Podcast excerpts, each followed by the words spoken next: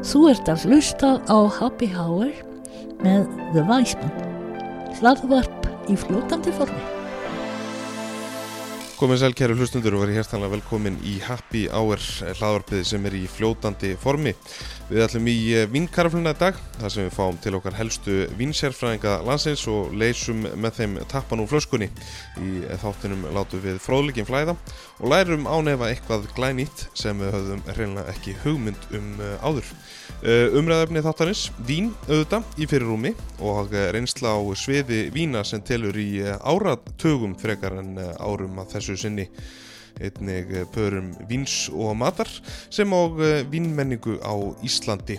Þessi þáttur af vínkarflunni í bóði glasa framlegandans Rítel landi parfjúm ilmur af íslenski náttúru og jáfnframt eini löglegi landin á Íslandi og svo blómabóðin dögg í Hafnafyrði þar sem þú kæri hlustandi færið 15% afslátt ef þú segir að væsmenn hafi sendið þangað Svo minnir Væsmenn á heimasíðuna væsmenn.is en þar er þín tengistöð við vegar í fljótandi formi sem og Væsmenn á bæði Facebook og Instagram.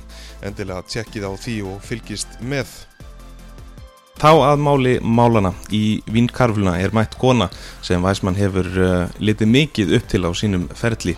Ég ætla reynilega að gefa henni titilinn drottning vinsjærfræðingana á Íslandi sem hlýtur að segja sitt hvað til um álit mitt á þessari hlýju og indislegu konu sem hefur í langan tíma unnið hörðum höndum af því að fræða landan um léttvins heiminn. Það hefur hún gert meðal annars með eigin vinskóla sem hægt er að finna á vinskólin.is og hægt er þar að bóka námskeið fyrir hópa og annað. En þar hefur hún sett upp bæði námskeið og kent fjölda þeirra og fyrir þá sem vilja auka vínþekkinguna sína en ég geti haldið eldurins áfram en ég er reynlega ofspentur eftir að fá að heyra hennar sögu og leifa ykkur hlustendum að kynast henni aðeins betur og ekki skemmi fyrir að hún er að auki mikill aðdandi af happy hour með The Wiseman það er sannur heiður að fá drottninguna sjálfa sem fyrsta kvenkins viðmælenda karflunar Dominik Plitel Jónsson, verður hjartanlega velkomin í Happy Hour. Takk kærlega fyrir. Ég róðnaði, það sést ekki í podcastinu, en ég róðnaði. Já, það? Já, já, það er gaman að heyra það. Herðu, hérna, hvernig hefur það? Bara mjög fínt, mjög gott. Jú, jú, jú, jú. Árið byrjar með trökki og mikið að gera, bara gaman. Já, gaman að lífa Nó, nó að gera? Nó að gera. Nó að gera, við förum uh, betur yfir svona hvað er á döfinni hjá þér uh, hér aðeins síður í þættinum. Uh, en það er loksins komið að þessu. Hvernig er tilflingin að vera komin í happy hour? Mér fannst þetta alveg frá upphafi hérna stór skemmtileg hugmynd hjá sér Já. og uh, frá degi eitt ég verði alveg að viðurkenna það ég beigð og beigð og beigð eftir að þú hafið samband Já það ekki? jú, jú. þá getur rétt í mynd er hérna spennu hérna stíð Já, nokkalega Þú ert nú búin að hlusta á svona nokkra þætti eins og Sævar til dæmis Já. hvernig fannst það hann kom út úr þessu? Það hann kom mjög vel út úr þessu það var hérna mjög gaman og það er þetta líka sem podcast gefur hérna tækifæri til það er að hérna það er að tjá sig mm -hmm. svolítið vel og skemmtilega og, og maður gleymir hérna mjög fljótt hérna mikrofónunum Já. og hérna það gerir það að viðmælendur hérna eru bara alveg allir með hjartunum sagt, í Já. mikrofóninum Nákvæmlega. og það, þetta fannst mér alveg skera úr hérna með sæsa. Já, hann, hann er alltaf mjög gaman að tala við hann. Og ekkert sér að tala við þig. Takk. Hérna, en þetta var einmitt uh, svona upplegið í, í byrjun að, að, að það er fullt af röddum innan veitingagerans Mhm. og, og þá náttúrulega fólk sem hefur uh, um það að segja hvað var þar um, vegar í fljótandi formi. Mhm. og, og þetta er svona vettvangur fyrir, fyrir ykkur öll til þess að, til að uh, fá að opna hjartað ykkar og, og, hérna, og tjá okkur um málefnin það eru þetta náttúrulega mikill viskubrunnur í, í veitingageranum á Íslandi. Heldur betur. Þannig að hérna uh, við ætlum klálega að gera það hér uh, í þessum þætti. Uh, sko það er náttúrulega gaman að segja frá því að ég er búin að gera fullt af svona betur um bætur á vinkaraflunni. Búin að eittir svona jólunum svolítið í því og en til að mynda er ég náttúrulega búin að undirbúa þennan tiltaka þátt í svona tvær vikur cirka, eitthvað svo leiðis flott. Það er ekki annað hægt með svona stóra vinnmæl sko. Æ, ég segir svona, það tók kannski eina viku. Það er nóðum það. Um, Ég leiði þið bara gegnum þetta. Þú, hérna, já, já, ég hef full að trúa þér. Ég eldi. Herðu, uh, við ætlum að fara í sammenningu yfir Ímis uh, málefni er varðar vín eins og uh, nafnin alltaf gefið til kynna uh, en það er svolítið gefið. En allar fyrst langar mig til að leifa hlustundum aðeins að kynnast þér betur og þínum bakgrunni. Og því ætla að byrja með að spyrja þig hver er Dominik Pleitel Jónsson? já það getur verið svolítið langu þáttur um það að vísu. Því ég er búin að fara, koma víða við. Já, en uh, ég hérna, að grunni til uh, má segja að ég sé franskur uh, landfræðingur já, sem kemur öllum á óvart Ok. okay. því að það, er svona, þessi hlýð hefur ekki komið mikið fram nema í sumum þáttum mhm, en uh, útskrifaðist hérna með uh, hérna doktorstitil að PhD sagt frá háskóla í París og það er það sem leiti mig hingað. Til, uh, til Íslands. Ok, svo lýs að það er ágætt að hafa tenginguna uh, hérna í lagi líka. Já, en uh, svo fór ég mjög fljótt að vinna í franska sendiræðinu ok. hér. Og uh, það var reyndar alveg tengt uh, hérna PhD í rítgerðinni minni því að ég var uh, að vinna sagt á, um ímis þætti á Íslandi. Mhm, og uh, hérna sendiráði leiti mér svo áfram í að uh, kynnast svona vínheiminum betur Mhm. vegna þess að hérna við vorum með ábyrð fyrir uh, skrifstofu eða stopnun í Fraklandi sem sá um uh, kynningar fyrir landbúna afurðir frá Fraklandi já, og meðal annars hérna vín svo að uh, ég fór það var mjög, fljótt, kom mjög flott upp sko, að uh, ég var beðin um að hjálpa til í franska víku og á hótel Loftliðum þá. Já, og það var, ég man ekki árið en þetta var svona sennilega uh, 1978 6, eða 7 eða 8 já, já, já. og, uh, og það var mjög gaman vegna þess að hótelstjórin þá og Emil Guðmundsson hann uh, fekk hóp frá Tahiti til að koma og dansa. Ok, miðjan vetur á Íslandi.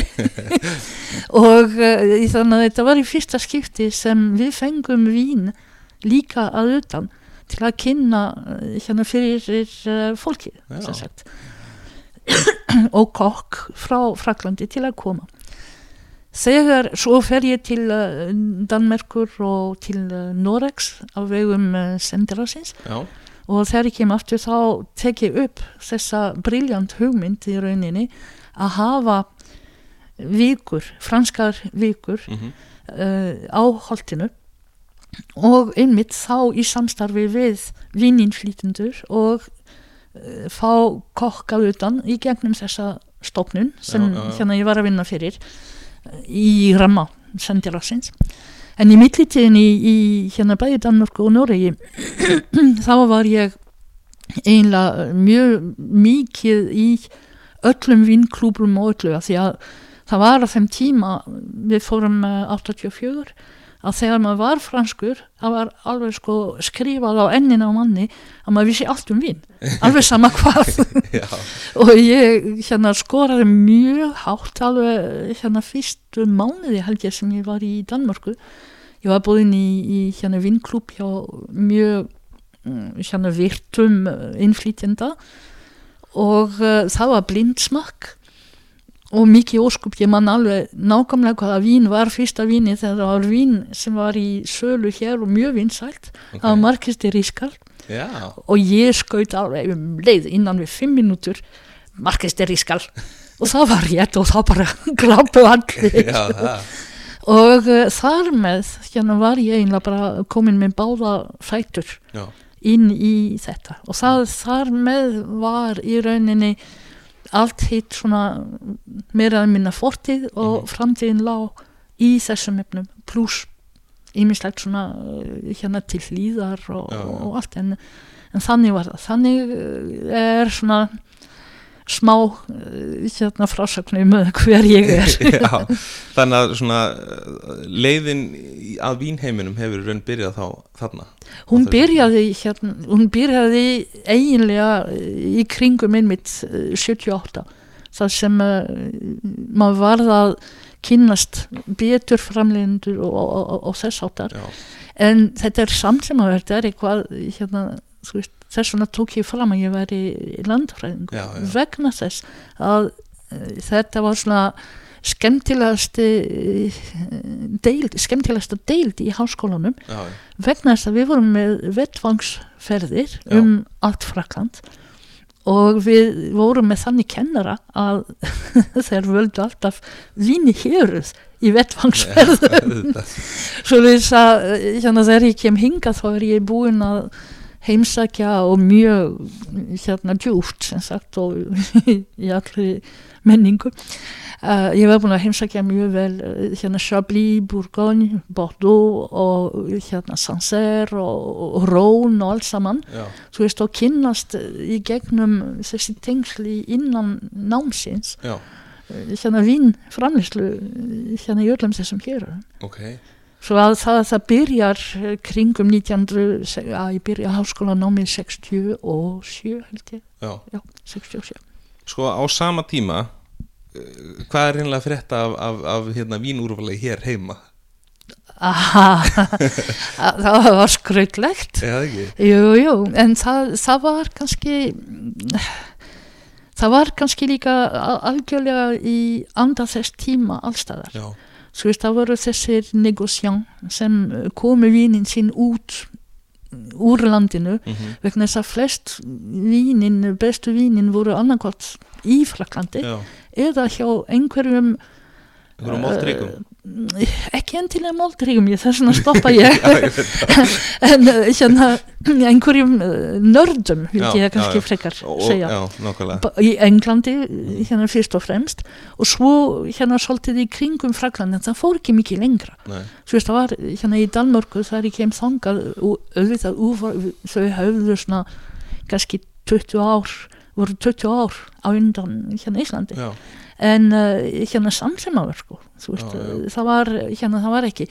Þannig að hérna úrvalið hér í vinnbúðunum var hérna úrskup uh, lítið og og þessu- takmarkað. og vel takkmarkað og bakvið hérna bálðið í svörtum pókum og allt þetta. Já, já, já, en hérna svo var hérna það sem er minnst þekkt það var í Lindargötu hérna var lager fyrir uh, hérna átífafer ok.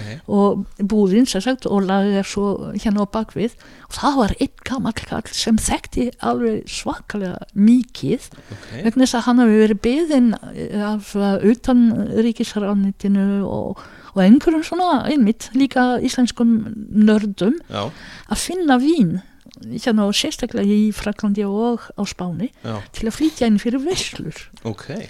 Og uh, þar sem ég var í sendiráðinu, þú veist ég komst mjög fljótt í kynni uh, hérna við þennan mann Já. fyrir sendiráði sjálft. Og það voru þar inni algjöru svona fjársjóði sem enginn hafði hugmynd um. Að og uh, sumt af þessu var, hann passaði vel upp á að geima þetta. Já. En sumt af þessu, var ekki alveg uh, hérna rétt að- hérna ég manna ég flutti nokkra kassa að uh, Chateau Talbot 63 með þessi heima nárgangi. Og frá hérna það var svona geimt undir uh, hérna að við heitavitu hérna Mm. ingangur svona. Í, í hýta og allt svo að sendur að franska flytti sér að kaupa þetta til að bjarga því til að bjarga því, nákvæmlega. Svo lýs að hérna þú veist það var, það var hérna smá vísir af einhverju mm þannig inni sem kom ekki fram neitt hérna fyrir almenning sko. Magnað. Þannig að þessi maður að má segja að hann hafi verið svona svolítið á undan sínum samtíma hérna heima. já eiginlega og þetta var hérna þetta var gamall maður sko. Ég var ung stelpa þá og hann, hann var nálegt eh, hérna eftir launa aldrei sko. Ok, já, já, og hann var mjög skemmtilegur. Virkilega. En magnað, en, en það er nú kannski að hluta til honum að þakka að, að, að, að hann svona er búin að nú eina sem að hérna, þetta er, er norska orðið bídrað já, einmitt, hann er svona búin að hérna, þáttakandi þáttakandi í því Já, að hérna, efla þessa vínmenningu á þessu tíma. Já, já, hann, hann var, já, hann, hann var það vegna þess að þegar hérna, ránitið var að byggja um ákveðin vín og hann gæti ekki fengið það, já, hann var að stinga upp á eitthvað annað. Ok, og hann gerði það, hann fór og letaði og, og allt. magnað Já, þetta er, hérna eins og ég segi, þetta er lítið þekkt og, og uh, svona skugga manneskjan Mhm, sem segt já, og bakvið og já, það, var, það var virkilega gaman og ég hugsa hlýtt til hans í dag Já, nákvæmlega. Oft er nú einhver, einhver maður á bakvið tjöldin eða kona sem, að, sem að verður til þess að fallegir og góður hluti gerast. Já, já, akkurat. Uh, hérna, sko, á þessum tíma þá er náttúrulega ekki til bjór á Íslandi. Nei, það var hérna bjór, bjórlíki alveg í öllu útgáfum. við förum aðeins inn á bjór. Já, af því að þú náttúrulega manst mjög vel eftir þessum tíma. Já, já, og, og sko hvernig var, nú náttúrulega þekki maður ekkert annað, ég var einsás þegar bjórur var leiður uh, ekki það að ég mun eitthvað sérstaklega mikið eftir. En hérna, hvernig var að vera þú veist, búandi á landinu og, og þetta var við liði Það var, hérna, var svolítið skrautlegt en svo alltaf þegar er svona bann vegna þess að það sem gerist í svona tilfellum það er að menn leita allra leiða mm til að komast fram hjá banninu. Já, og uh, það var svona býðraðir hérna við uh, hérna fraktskip sem komu til já, landsins já.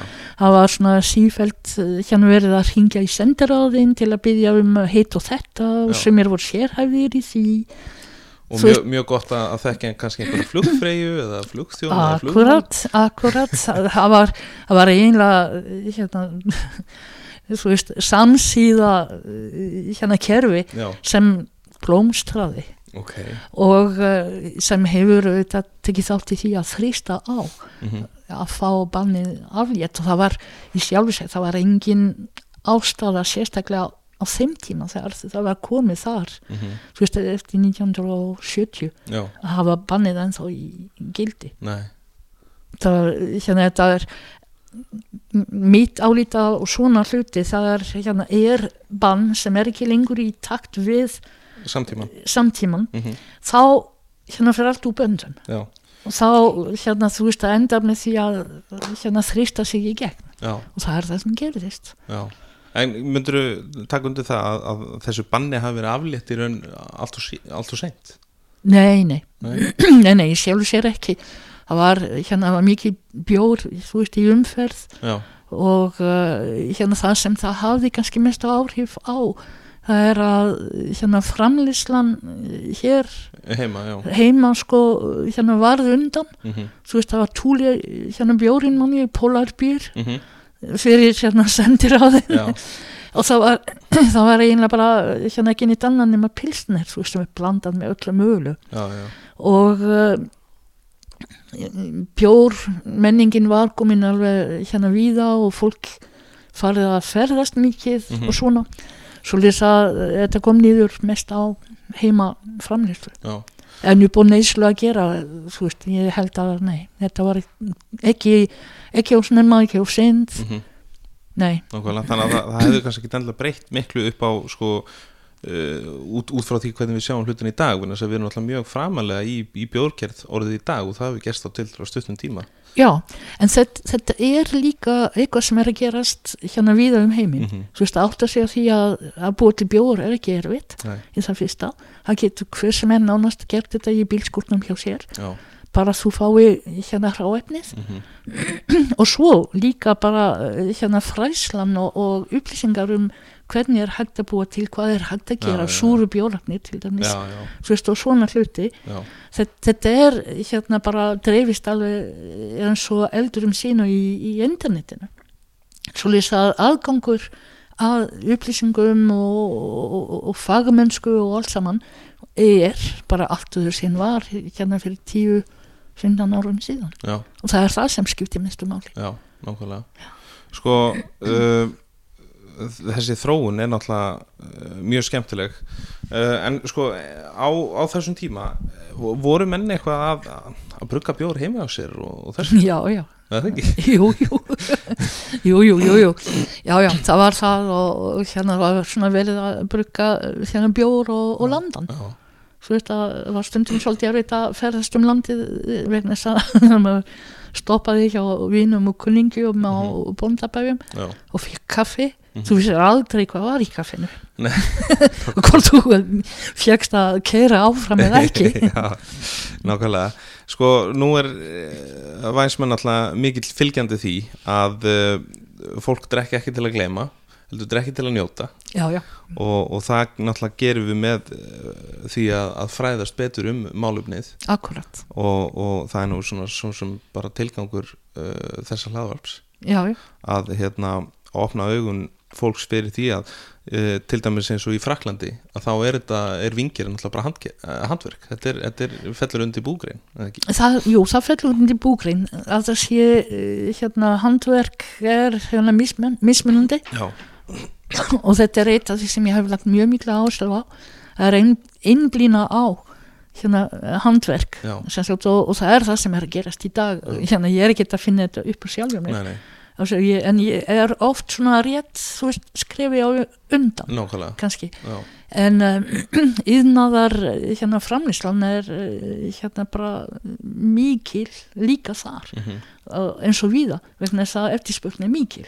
Slús að eh, hérna það er ekki alltaf að vinnbóndin eða handverk framlegandin Já. getur mætt hérna eftirspurninni. Já, svo að það er kannski aðal hérna málið þar en þróin er mest akkurat þar hjá þeim og þeir draga lestinni. Mhm, og uh, þú veist að hérna það, það má samt ekki gleyma að í Fraklandi þar sem þetta hefur verið og er en þá landbúna að vara og alltaf verið að deila um hvernig á að nálgast þessu og þú veist að var til dæmis núna talað um uh, dry January hérna Já, í, já, já. í Fraklandi að fjall ekki alveg í hérna í krami hjá mörgum og neytendum sem framlendum vegna þess að nú er farið að hérna er líka farið að breytast Já. þar. En landbúnaðvaran það þýtti líka að þetta var svona aðgengilegt allstaðar mhm, og það var uh, allt verið sér en samt viðvarandi vandamál eh, hérna áfengis síki vandamál. Mhm, og þegar maður sá hérna maður gerði grín á þessu til dæmis á hérna háskóla árónum þegar við verum á þessum, þessum vettvangsferðum að þegar maður lagði á stað þú veist að fyrsta stopp var eh, hérna í fyrsta eh, hérna bar sem við fundum, kaffihús og bar samtímis já, til að fara sér svona eitt lítinn eh, hérna til að vakna. Og þá var alveg bænda samfélagið bara komin saman og spjallaði og allir með áfengi í glasi. Já, svo ég, í dag er ég ekki alveg vissum að þetta hafi verið heilsu hérna samast eh, af öllu. Nei, nei, þetta var hefð og sumir fóru stoppuðu þar, Mhm. fengu sér glas af víni í hátteginu og um kvöld og svona. Mhm, en sumir fóru lengra Mhm. og uh, hérna í sumum héruðum í Fraklandi var þetta svona mjög mikið vandamál og fylgdi oft uh, það sem er svona lítið efni já, og þú veist ekki fátækt, ég vil ekki tala um það sko. Mhm, en það var alveg hérna stundum vonlust og mjög erfitt vandamál til að leysa öðru sem það sem við þekkjum hér. Já, já. Sko, við höfum náttúrulega í gegnum tíðina verið svolítið bundið við það að, áfengi skuli bara vera drukkið um helgar mm og, og, og þá bara mikið að því. Já, já, uh, sem er náttúrulega mjög gamaldags hugsun og, og hérna uh, í raun og veru bara væri ekki betra og er ekki svolítið meira að fara að, að, að bera á því að, að, að þetta dreifist að, fólk þá taki bara og fá sér kannski eitt vinglas með, með matnum og, jú, jú. og hérna og, og drekki í raun þannig. Jú, jú, þetta er eitthvað sem hefur hérna breyst gríðarlega mikið og eiginlega á mjög stuttum tíma. Af því þegar ég kem heim aftur frá hérna Noregi 93 já, þá byrjar í rauninni, þú veist, neyslu, neyslan og neyslu markaðurinn að breytast alveg, stökkbreytast og uh, það, þetta, þetta var svona nánast dæmt til að vera. En uh, hérna aftur á móti sko það verður alltaf og á Norðlundum í það heila þú veist þetta er sama munstur í, í Noregi til dæmis, Já, að já. drekka mikið um helgar og, og svona. Danirnir eru komin út úr því. Mhm. og ef þeir hafa nokkuð tíma verið í, í hérna svona munstur. En ég hef alltaf sagt að hérna það er þessi eh, andstaða sem býr í fólki og sem er menningarlegt Já, að hafa uh, þessa tilfinningu um að gera eitthvað ránt Mhm. með því að drekka áfengi. Já, og það kemur frá trúar bröðum sem hafi verið alveg hérna í kringum mótmæ, mótmæla trú. Mhm, þú veist að eh, hérna þú færð sektarkend að gera hitt og þetta og meðal annars að drekka áfengi. Já, og líka hitt að Íslandingar til dæmis frekar en normin eru galopni sko, þetta er svona söðræn hugsun sem hefur hérna, verið ríkjandi hér. Já, svo lýsa að þetta tógast alveg rosalega mikið á.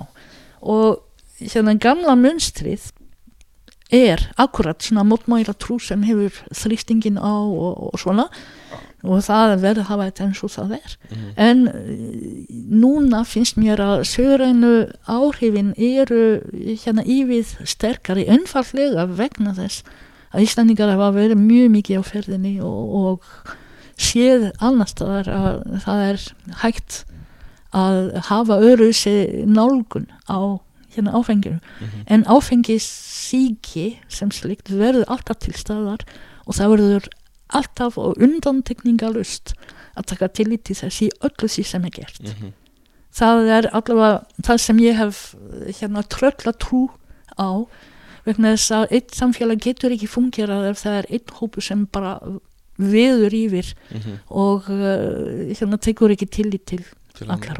Ég er, það, ég er alveg samlegaður uh, Þú svolítið hittir naglan með þetta Hérna, segðu mér svona á þínu ferli Varstu einhvern tímann að vinna á uh, veitingahúsum per se eða varstu eins og þú nefnir á holtinu og, þess áttar Ég- ekki hér heima Nei, nei. en uh, ég áður ég fór hérna frá Fraklandi ég hef gert allt mögulegt ég, Já. hérna, já, já.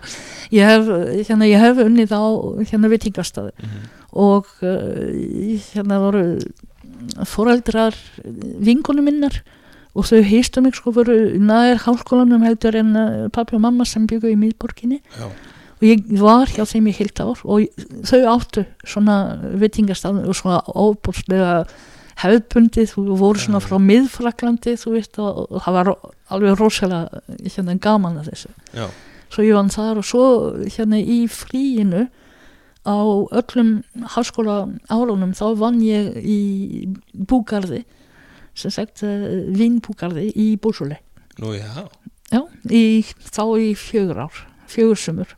Ok. Það, það var líka innkveikjan af öllu því sem ég er í dag sko. Já, já. Þannig að þú hefur raun komist í svona eins nálagt vín hjartanu og, og mögulegt er í raun og veru. Já og, og á þeim tíma var það hérna mjög algengt að hérna skóla krakkar fóru þú veist að vinna á svona stað og það var, stemningin var alveg ofbúslega hérna skemmtileg og það var, hérna, var ekkert eh, business komið inn í þetta Nei, og ekki neitt sko, þetta, við vorum bara tekin inn í fjölskyldu og unnum alveg eins og skemmnur Já, og það var alveg rosalega gaman að. Og man, ég er ennþá með bra- bragðið að þú veist við fengum morgunmat vögnum klukkan 5 eða millir 5 og 6 fengum eh, snögt kaffi og bröðsnið klukkan 6 út að vinna og klukkan 10 þá kom húsfreyjan með alveg sko fullan bíl. Og þá var það hérna kálsúpa og, og svona lítið staup, Já. Magde Bourgogne já, ok. í lokin. Já. og, og uh, hérna þú veist og svo helt dagurinn áfram sko. Já, en maður var alveg hérna, búinn í eftir uh, á uppskeiru tímanum sko. Já En þetta náttúrulega segir kannski svolítið mikið um sko ástæð þess að þú ert svona öflug kona í dag og hefur uh, gert mikið og, og hérna komið mörg í verk, það er óvægt að segja það. Uh, en, þannig að þú svona grunnurinn af þessu þú lærðir að vinna þetta já já, það. já, já, já, já, já. Ég uh, sko glemdi kannski að segja að ég ólst upp í, í, hérna, í París. Já, en ég var aldrei borgarbarn. Þú veist, ég, ég, ég svolítið þess vegna fann ég mjög mikla samlíkingu við norðmenn. Já. ég snýri alltaf bakið í borginni. Þú veist og, og fór alltaf út í sveit og Mhm. sex ára gömul til dæmis mamma senda okkur til sveit. Í búrkom til líka. Já, tilviljun en uh, þar sex ára ég var sett í að hamflita kaninur í matinn. Og svona hluti. Já, og uh, einhvern veginn fannst mér þetta svona hluti af lífinu og ég er mjög þakklátt við það. Já alveg. En hvernig er sko, ef við, ef við setjum þetta í samingi hérna heima, kanntu vel við á landsbyðinni hérna heima? já, já, já, já ég, já, já, ég, ég geri það og hef alltaf gert Já. þú veist og hérna ef ég bý í borg þá vil ég búa í borg Mm þú veist og ekki hérna þykjast vera að búa út í sveit í borg Já, en uh, ég finn mig, ok, að þú horfur um Ég gluggan, horfa ég á- er í hálgerðsveit ég var einmitt að sé næst, ég var að sjá hvort ég sjá þig elli aftur hérna. næstum því. Er næstu því. En uh, já, ég finn mig hérna eiginlega bara mikið betur. Mhm. hérna í, út úr stóri borg. Já, þú er svona smá náttúrubann já, já, já, já, ég held að mér nú alveg alveg segja það sko. Já, já, Já, ég er alveg, alveg sammála því og kom að því síðar í þættinum hérna, slow food. Já, við tölum um það á eftir. Uh, hérna næst Dominik ætlum að fara í svolítið skemmtunan lið. Já. Uh, ef ekki bara vinda okkur í það? Jú, jú, jú, jú, uh, þessi liður heitir Vinsían já, og sko það er eh, svona liður sem að, sem að hérna, við förum uh, aðeins dýpra í, í hlutina ég set upp fyrir þig svona nokkrar uh, spurningar þannig að ef að við ímyndum okkur að, að þú ert ju auðvitað hágeða vín sem við ætlum að hella í vínkarafluna sem að Ok. er þátturinn og það er svona tengingin við þetta en það er náttúrulega oft með, með hágeða vín að það þarf að, að, að setja þau í gegnum síu svona Mhm. sérstaklega vínsíu hefur þú notað svoleiðis? Svona, vola sjaldan. Já. Vola sjaldan. En þú ætlar að gera þetta svolítið upp á gamla mátan kannski ef þú ætlar að umhella með kerti og svona. Eh, ég, hef, ég hef gert það já, en þá er ekkert að eh, hérna síja beinvinis þú veist að frekar að skilja, Skilja, eftir í flöskunni eða þessuna í glasinu ef það Já, kemur fyrir. já. svo langt. Já, nákvæmlega. Uh, Sko, við ætlum að gera það í þessu tilfelli líka. Hins vegar uh, með þeim tilgengi að ná sem mestum uh, fróðleik úr þínum visku brunni. Þetta er fullt af spurningum og hérna sem þú svara nokkuð nýtt með það en, en ef við dettum inn á eitthvað áhugavert þá náttúrulega dveljum við við það. Við erum ekki Ok. eitthvað að, að stoppa þannig af. Uh, Ertu tilbúin í þetta? ég er tilbúin, já, já, já. Herðu, ok, þá ætlum ég að setja upp smá aðstæður. Ok, Það eru mjög einfaldar. Það er bara hreinlega glas af hvaða víni verður til í akkurat á þessari stundu akkurat núna Mhm. myndi ég eh, hérna þykja glas af góðu kjandi vini. Já, af því ég er pínaliti svöng. Ok. Það er ímislegt En uh, hérna mér vantar í, í, hérna, í vín ekki endilega reserva eða neitt bara svona virkilega velgert kíandi með kirsuber þú veist í bara einu smá pínu sveit og, og svona. En í léttar kantinum mhm, eitthvað hérna bræð gott sem kallar á mat. Mhm. Mjög gott, þetta, þetta byrja vel. Já já. Herðu, hérna sko, nú ætlum við að fara í annað. Byrjum á, á hvítvinni Í engri sérstakri röð Þrjár uppáhalds vínþrúður Ég verð að hafa uh, hérna, ég verð að hafa alsas frúur, mm alveg hérna hygglust. Ok, og uh, kannski, jú, ég myndi velja Rísling, Rísling já, Alsas Alveg- Rísling alsas Rísling. Uh, segð okkur aðeins frá þessu vegna þess að sko, ef við höldum okkur aðeins við, við Rísling á meðan þú hugsar hinnan tvær uh, hérna á Íslandi er svona kannski, ef maður talar um hvítvin 101 að þá er það oft Rísling þrúan sem verður fyrir valinu. Mm en hins vegar er það tölvert sætari Rísling heldur en nokkuð tíma nú finnur í Alsas. Já, já. Ég veit svona, svona munurinn kannski aðalega á, á þessum, þessum tveim Ríslingum Já, já. Já, já, svo, hérna svo sannarlega og það er, eh, hérna, þetta eru leifvar kannski einmitt af einhverju gammalli hefð já, að bjóða upp á um, hérna Mosel vínin sem eru sætt já, og það er hérna í dag reyndar að færa mm, þú veist að færa sig frá þessum sætindum já. sem hafa sögulega skýringu. Mhm, en hínum megin við eh, rín þá er hérna rislingin allt öðru sig og þurrara og, og þrúan nýtu sín betur. Hitt er svona til að svala þorsta kannski eða bara til að mm, láta bræðlugana bregðast Mhm. ekki mhm, en Riesling fyrir mig er eh, virkilega þrúa sem gefur vín sem að verða að njóta og stoppa og staldra við og, Mhm. og, og, og hérna bara fá fjölbreytileikan og láta lífa á tungunni og bræðlugana mhm, hvort það sé frá norður hluta alls eða söður hluta, Já. þú veist það er tvend ólíkt já, og svo framvegis og lýsa að þess vegna er af mínu mati hérna Riesling frá Alsas mikið meira spennandi. Já, og ég er til í hvaða tegund sem er vegna þess að hvor fyrir sig hefur sína ein- eiginleika. Já, sína einleika og bara sitt að bjóða sko. já, þetta er, eh, magna, þannig að þetta væri kannski hvítvinni sem við myndum drekka hérna á þessu stundu. Já, núna er ég komin yfir það. Já, já. Ok, en hvað með aðrar þrúur uh, hvít, í hvítvinni? Ég myndi, hérna, ég myndi leita til Ítalju í kvítvinni og það kemur kannski óvart. Já, en uh, það er uh, einu þrúa sem hefur alltaf verið svona í uppáldi hjá mér það er hérna Gregandi ok. Í hérna miðítalju mhm, hvort það sé í Umbria, Toskana eða uh, þess vegna Emiliana Romagna eða svona. Og hún er, uh, hérna hún er skörp hún er bræðmikil og hún er uh, hérna fyrir mig hún brosir Mm. til mín. Og uh, hún hún er þú veist hún er uh, í rauninni fer lengra en Chardonnay gott Já. getur farið. Og hún er svo lífandi já, svo þess að ég myndi velja hana. Ok. Veistu til þess að sé til úrval á því hérna heima? það hefur verið til, já, já, ég veit ekki hvort það sé akkurat í dag en uh, hérna Caprai, Já. Marco Caprai Já. uh, nei, Marco er sonurinn það er uh, Arnaldo heiti Arnaldo Cabral, ok uh, hérna hafa verið með þetta og, þetta, er alltaf svona vannmetið eins og mörg ítölsk vín fyrir utan Pinot Grigio Mhm. og Suave mhm, en uh, þessi hún, eins og ég segi, hún er svo lífandi og, og brosandi og fær mann til að brosa svona blikka og hvernig mat myndum maður borða með svona?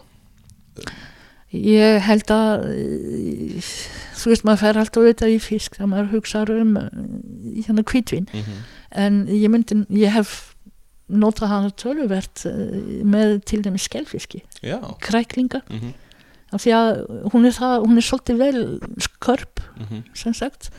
Og það verða hérna mæta fytunni í uh, skelfiskinu. Mhm, og uh, þú getur líka alveg notað hana með allskins uh, svona ekki, jú, jú, allskins fisk. Eiginlega líf- líka fiskréttir þú veist um leið og þú ert með saltla fytu mhm, eins og ef þú notar uh, lungu eða steinbitt veist og, og þess að fiska, feita fiska já, þá hérna við greikandi er alveg, já, já, hún, já, já, hún ræður mjög vel við það sko. Þannig að við erum að koma með Rísling og Grekand en hvað með Rísling og, og mat ef við myndum fara svona stutlega við það líka Ó, ég er bara nánast allan Já. mat sko. þú veist, uh, hérna kjöt Já, alveg, já, það já, ljóst sem að- kjöt já. já, já, alveg hygglust sko. Ok, þannig að ef að fólk er að búa til einhverja kjúklingarétti heima hjá sér eða eitthvað þess áttar góðan kjúklingarétti með góðu kjöti það er kannski aðalega það sko. Ok, og hérna svínakjött líka uh, í Alsas nota mjög mikið með bakanopf til dæmis sem er uh, hérna langtíma eða svona lang elda hérna svínakjött með gremmiti í Já, kring já, já. uh, hérna sem með smá uh, smá hvað heitir það cloves á einsku negull, takk fyrir. Ég var komið með danska orðið. Hvað var það, nelliker? já, akkurat. Bara stíplar já, já, það er allt í já Ok, já, það er nefnilega svolítið gaman að opna svona hug fólks fyrir því að, að, að, að pröfa kannski að velja hvítvin með, með kjöti líka. Já, já. Þetta er svolítið fast við okkur. Til dæmis uh, hérna, ég hef alltaf sagt að hamburgerrygg Já, og meðlætin eins og við höfum það. Já, þetta kallar eh, eiginlega mikið meira á Pinot Gris uh þú veist, góðum já, saman hvaðan það kemur. Ok. Til dæmis það má alveg vera frá Nýja Sjálandi, það er svona nokkur mm, mjög vel gerð Já. þaðan frekar en uh, hérna þungt rauðvin Já, magnað. Hann hérna uh, stórvinur okkar, Birgir Elmars Jólf, hann já. talaði með nákvæmlega þetta með hambúrgarrík Já, hann var ekkert alltaf bundið, bundið við hérna við rauðvin sko. Nei, nei, nei, nei, nei, nei, alls ekki. Herðu, ok, þá áttu eina þrú eftir. Þá ég eina frú eftir, já. Og uh, þá myndi ég uh, ég er svolítið svona með þetta já, Ok. er svolítið vegum þetta sko, en ég held að- að ég myndi fara uh, hérna, jafnvel til uh, Spánar. Já, og uh, hérna taka Víúra mm, sem hefur allt og lengi verið nei, ég ætla ekki að taka Víúra ég ætla að taka næsta við. Ég ætla að taka Albarinho Ok. frá Galíciu já, og þetta er þrúa sem ja, við höfum fengið hér í vinnbúðir við höfum fengið uh, vín frá Albarinho ok. og uh, hérna vinur okkar uh, hafliði í BR hefur verið alveg til þess, þú nefndir Birki. Já, hann hefur líka verið duglegur til þess að koma með svona vín. Já, en fólki þekkir það ekki. Svo það kemur, er eitt ár hverfur. Já, en þetta er hérna frá Galíciu uh og þetta er þrúa sem er virkilega staðbundin þar, nú er farið að prófa hana annar staðar í Languedoc í Ástralju og Ok. Kaliforníu. Og hún er uh, með mjög góða og fallega fyllingu og uh, hún, er- hún er ótrúlegu, í ótrúlegu jafnvægi. Þú veist að eh, hérna ávöxturinn og, og sækir í svona aprikúsur, feskjur og, og svona. Góð síra á móti. Mhm. Og uh, hérna lífir alveg endalust Aha, og með einmitt svona mat uh, hérna staðbundin frá Spáni og þá ferðu í alla flóru af skelfiski og, Já. og fiski og sterk, bræðstörku fiski. Mhm. Albarinjó er bara toppurinn. Og myndi að ganga eins og með þessum ráskingum og þess áttar Mm, nei, ég myndi, nei, það er svo, er svo ímislegt annað sem ég myndi freka velja þar. ok En, uh, En já, eitt, eitt og sér, þá, þá virkar þessi og eitt og sér, alveg, hún er, hérna, þrúan er alveg indisleg, Já, algjörlega, sko. þannig að við hvetjum fólk að það sér það í, í vínbúðina Já, já, já, já, já, já. Þú veist, þetta er eitt af því sem, uh, maður sér Cabernet, Cabernet, maður sér Sauvignon Blanc, maður sér svona stundum eina eða tvær aðrar. Mm og svo er allt hitt. Já, þú veist, af 350 þrúur á Ítalju mhm, það er svona með, þriðja, þriðji hlutur sem er hvít, já, þá veit enginn um þetta. Magnað. Þetta er alltaf mjög, mjög magnað sko. Þetta, þetta er, þú veist, þetta er mjög sem sagt mjög eigingjart. Já, vegna þess að fyrir bræðlugana já, þeir eiga skilju betra. Það er að skiljið alveg alla flóra og, og ég rætti þetta eins við Gissur hérna í, í, fyrsta þætti ásins Aha. Gissur hérna í átíðaferð þegar við fórum yfir svona vínsöluna og aðeins svona almennt hvað er að seljast í, í vínbúðinni já, að uh, ég kom með kenningu. Íslendingar, við erum svolítið mikið á það að leggjast á sortir. Já, ég veit það, já, já. Það það er tilfelli, já, já, Já, við erum svona pínu vana först já, já. En, en stundum verðum við bara aðeins að, að, að hérna, fara út fyrir fara út fyrir ramman og, og, og, og, og bjóða öðrum möguleikum Mhm. velkomna líka. Málið er, hérna ég skilja mjög vel, þú veist að fólki sé hérna vana fast mm og fari í sömu tegundinnar aftur. Já, vegna þess að ef það er ekki einhver til að leiða þig já. og segja prófaðu þetta. Já, vínið kostar það mikið að þú tímir ekkert að kaupa nefnflösku af víni sem ha, þér finnst bara ekki gott. Nei, nei, algjörlega. Það er þess vegna sem ég hef verið með eh, hérna í vínskólanum svo gríðarlega mikla áherslu á að taka vín sem eru einmitt aðeins út fyrir ramma. Mm og það hýtir alltaf í mark. Já, en þú veist það þarf að gera það sko, þú þarf ekki að kaupa eina heila flösku til að vera viss um það. Já, já Við, hérna, við ætlum að henda í, í samanleitt vinsmak, Væsmenn og Dominík sem að fer yfir bara, að getur heitið bara glemdu vínin Já, akkurat, það er nefnilega mjög spennandi. Er það ekki? Jú, jú, jú. Herðu, þetta var mjög skemmtilegt En við ætlum að gera nákvæmlega sama Nefna bara með rauðin að mig grunaði það. Já,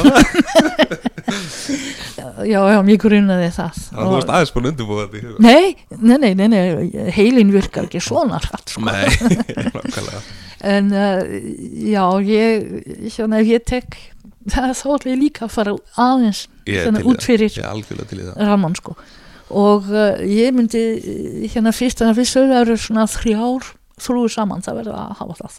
Mhm. Vegna þess að hérna þrúurnar í Valpolicella, Corvina Morinello og, uh, síðasta sem ég glimi alltaf hvað heitir. já, En uh, hérna þessar þrúur eru líka mjög staðbundnar og þær eru þar og, veist, og hafa nánast ekkert farið út fyrir Valpolicella eða Veneto hérna, svæði já Það eru náttúrulega í, á Ítalju og það er á. Ítalju Er og þetta er og þetta er eh, hérna vín sem hefur verið mjög vannmitið Já. lengi vel vegna þess að þetta var svona bara þund og súrt og, og í eins og ég hef sagt í hérna 15 ár held ég að eh, þessum bast, að þessum flöskum hérna í bast mm -hmm. kurvu sem uh, hérna drakk vinnið, fekk magasár og, og notaði svo í, hérna flösku maður kefti flöskuna til að hafa kerti í Já, já, þú veist. Og uh, það er búið að breyta mikið. Það er búið að rannsaka mikið. Það er Mhm. búið að skoða hvað er best að rækta þetta. Já.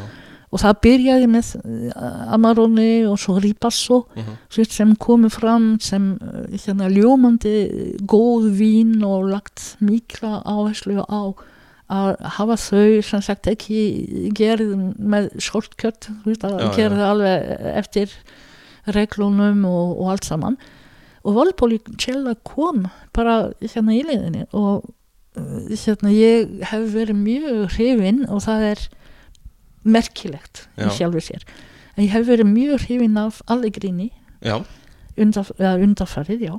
Vegna þess að fyrir mig Allegrini fyrir 15 árum síðan eða 15-20 árum síðan ég gat ekki drukkið það. Já, þetta var svo súrt já, og það var svona þessi lýsing. Já, já. en uh, vingerðin hefur tekið algjör stökk vingeramenn yngri og, og hérna nærmarkaðinum og, og svona. Já. svo lýsa í dag er hérna alligrinni alveg ábúslega hérna flott vín Þannig að Valpúl Sjella, þar hafa vingir að menn ger sér aðeins í brók. Já, já, já, já, já, Hvernig, má, má gera hlutina betur? Og hérna það eru margir þú veist ég nefni alligrinni af því að það var svo ábyrrandi Já, en uh, hérna það eru margir aðrir. Já, hérna og vel valpolítela og frúurnar þar þú veist vel notaðar alveg bara stór, stór fínar. Ok. Mjög gott. Þarna erum við komum með ja, allavega tvær Nei, já, ég ætla að hafa hana sem eina, Já, ok. Eina. Förum þá í, í næstu. Já, þá Já, hérna annað hvernig þú tókst þetta? Aðeins, Hendur það inn. Ég myndi hérna, ég myndi vilja taka líka á Ítalíu en alveg á hinumyndanum þess að í söður hluta á já, og ég myndi vilja taka Nero da Vola ok. Og uh, við sjáum í rauninni uh, kannski ekki endilega það besta af Nero da Vola. Ok, en uh, þessi frúa hún er svo fjölhæf. Já, hún getur gefið svona vín sem eru svona létt þú veist og ok, ekkert neitt sérstakt og, og svona en getur gefið alveg hérna vín sem eru bara toppur. Ok.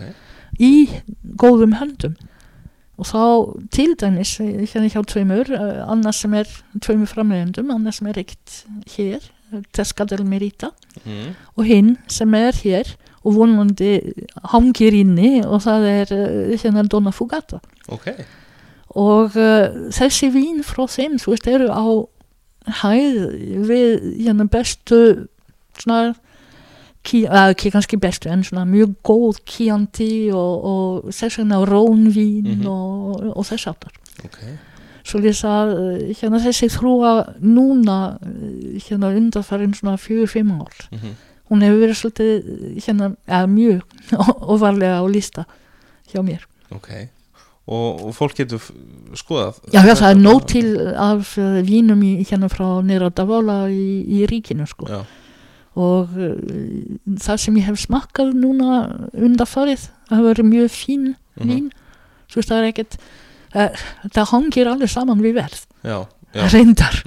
Svo lýs að þetta er mjög góð hérna góð veg, vegvísir mm þú veist að velja aðeins dýrari vín. Já. þú fer alltaf betri gæði. Ég er alveg samanlegar og fólk getur líka bara að setja þetta í samengi uh, ef þú ætlar að búa segjum bara að þú ætlar að elda rosa flotta máltíð heima hér og kaupa nautakjöt, myndur ekki uh, spenda smá eða einu Ah, smá peningi gott nautakjöt? Þú, þú hérna eðilegur nautakjötið að þú kaupir hérna ó- ódýrt vín og móti líka. Nákvæmlega, svo lýs að já, já það, það verður svona að temja sig svona. Já, mér finnst það svona góð samlíking sko, já, það þá er það svona fær fólk aðeins til þess að hugsa sko. Já, já, af því að þú veist, gæðin í, í bara þú veist, auka 300-400 krónum er gífuleg sko, já, já, það er það. Bara 200 krónur þess vegna sko, byrja þar.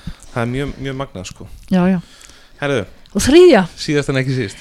Uh, þriðja er hérna spænska garnacha Grenache. í, Frak, í Fraklandi Ok. og, uh, og hún heitir, sér, á á Spáni Garnacha. Garnacha. Mm. og hérna hún er reyndar, hún er algengari en uh, Tempranillo þar, Nú það? Þetta er, já, já hún er uh, mest útbreytt uh, af uh, spænsku þrúunum, Magna, það veist ég ekki. Nei, það, það veit að fæstir. Já, ok. Uh, en hérna hún er hún er ofbóðslega uh, hérna skemmtileg og líka fjölhæf þrúa þú veist hún uh, heitir hérna Grenache í Fraklandi og hún heitir Canoná í já. til dæmis. Og uh, hún uh, hún er hvað að segja hún er uh, þrúan sem, sem er þér pínultið erfið uh -huh. þar þú kynnist henni en um leið þú ert komin inn og, og gefur henni tækifæri og, og fer að pæla aðeins betur henni og hún bara opnar alveg sko því líkan heim. Ok, og uh, hún f- ég þekki hana alltaf. Ef hún er í bland með öðrum þrúum vegna þess að það kemur svona veist að það sem við köllum svona raut nammi. Mm svolítið, svona, svolítið súrt nammi já, en já. með hérna rauðu bragði. Já, rauðu bræði nákvæmlega. Þá við ekki samt að tala um kampari það, það eru margir sem þetta í þá gildi. Já, nei, nei, nei, nei.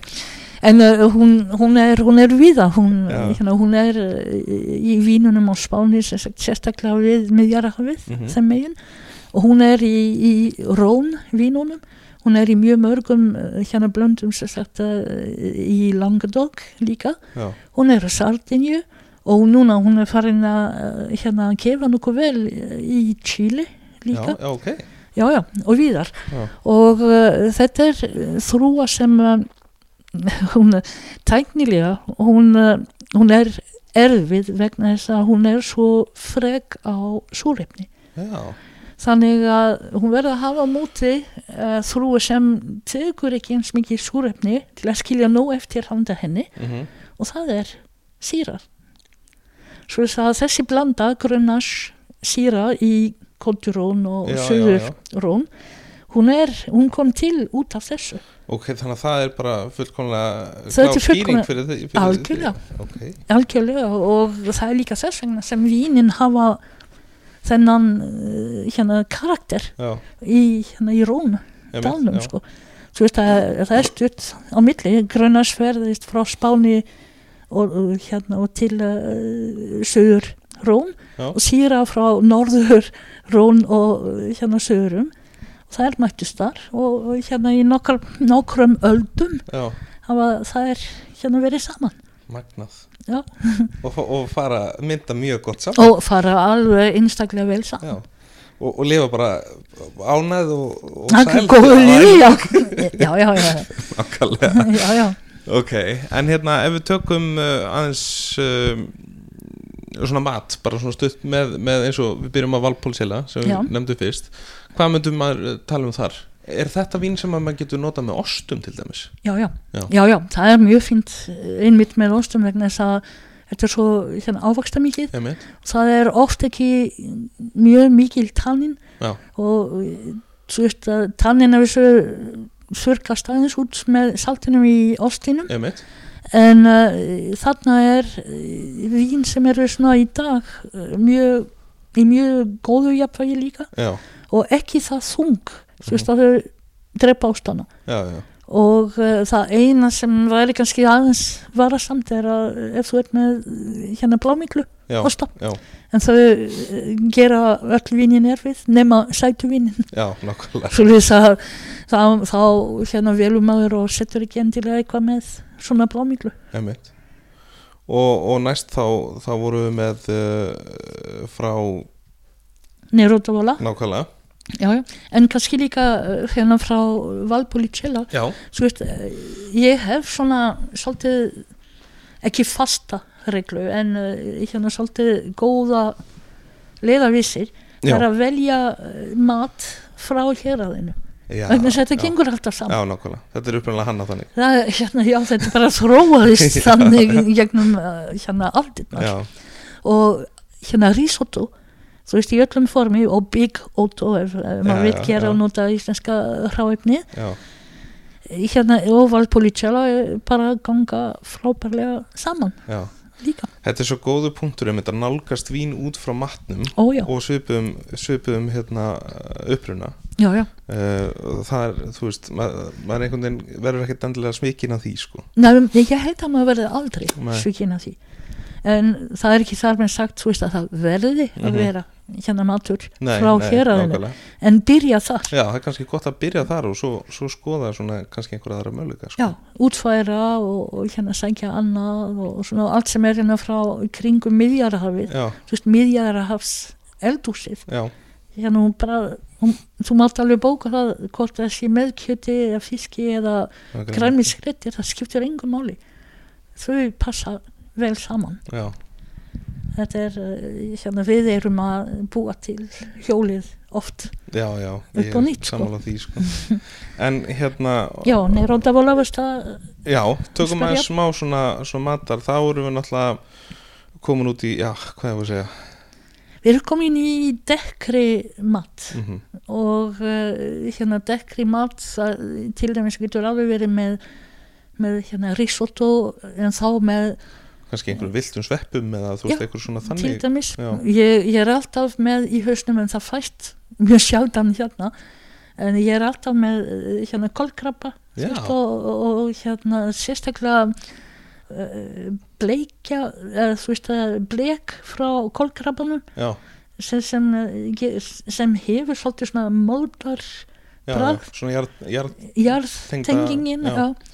En þá máttu fara yfir í einmitt eh, þú veist að grænmiti jarð uh, tengd grænmiti eins og til dæmis rauðrófur eða, eða Þess vegna- rófur akkurat, já, kólkrabbið, þetta er svona, svona hefðbundin hérna sundagsmatur já, flestum. Nákvæmlega.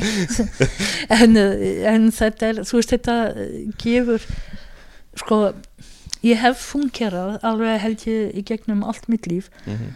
á uh, hérna líktar safna sem ég hef búið til Mhm. í hausnum á mér og bragða safn já, líka. já, svo þess að þegar ég segi uh, tala um uh, kolkrabba mhm, þá eru ákveðin eiginleika í kolkrabbanum sem ég er að lita að já, og sem ég útfæri út Mhm. fyrir kolkrabban sjálfan. Já, vegna þess að ég veit að það fæst mjög sjaldan hérna nema maður sé í beitu skúrum einhverstaðir og, og Já, en já. þá eitthvað. Já, en það, það er þannig sem eh, hérna smám saman maður bara eh, nær, þú veist að vinna úr því sem heitir Mhm. reynsla. Já, algjörlega. Hvað myndum maður segja eins og þú nefnir kólkrabba svo við komum því nú aðeins bara til, til hérna til skila, hvað, hvað myndu segja að það væri svona einkennandi land sem hefur það sem þjóðurétt eða, eða svona þekkt, þekkt fyrir, fyrir að matriða kólkrabba það er hérna alveg út um allt í hérna kringum já, þú veist að hérna ég var á Kýpur því dóttir minn býr þar og það er allstaðar þú veist það er alltaf já, kolkrabbi í hérna í réttunum og hann er alltaf mjög góður. Já. Alltaf, þetta er svolítið skemmtilegt að talandi um að hugsa út fyrir ramman já, já, já, en vissi það, ég var að tala um beitu skúr, en Já, á tímabili hérna kolkrabin var fluttur inn alveg í stórum stíl til að nota sem eh, hérna beitu fyrir eh, línubátana og þegar við fréttum að því þá eh, hérna eltum við inn í beitu skúrana til að krækja okkur í, í kolkrabba?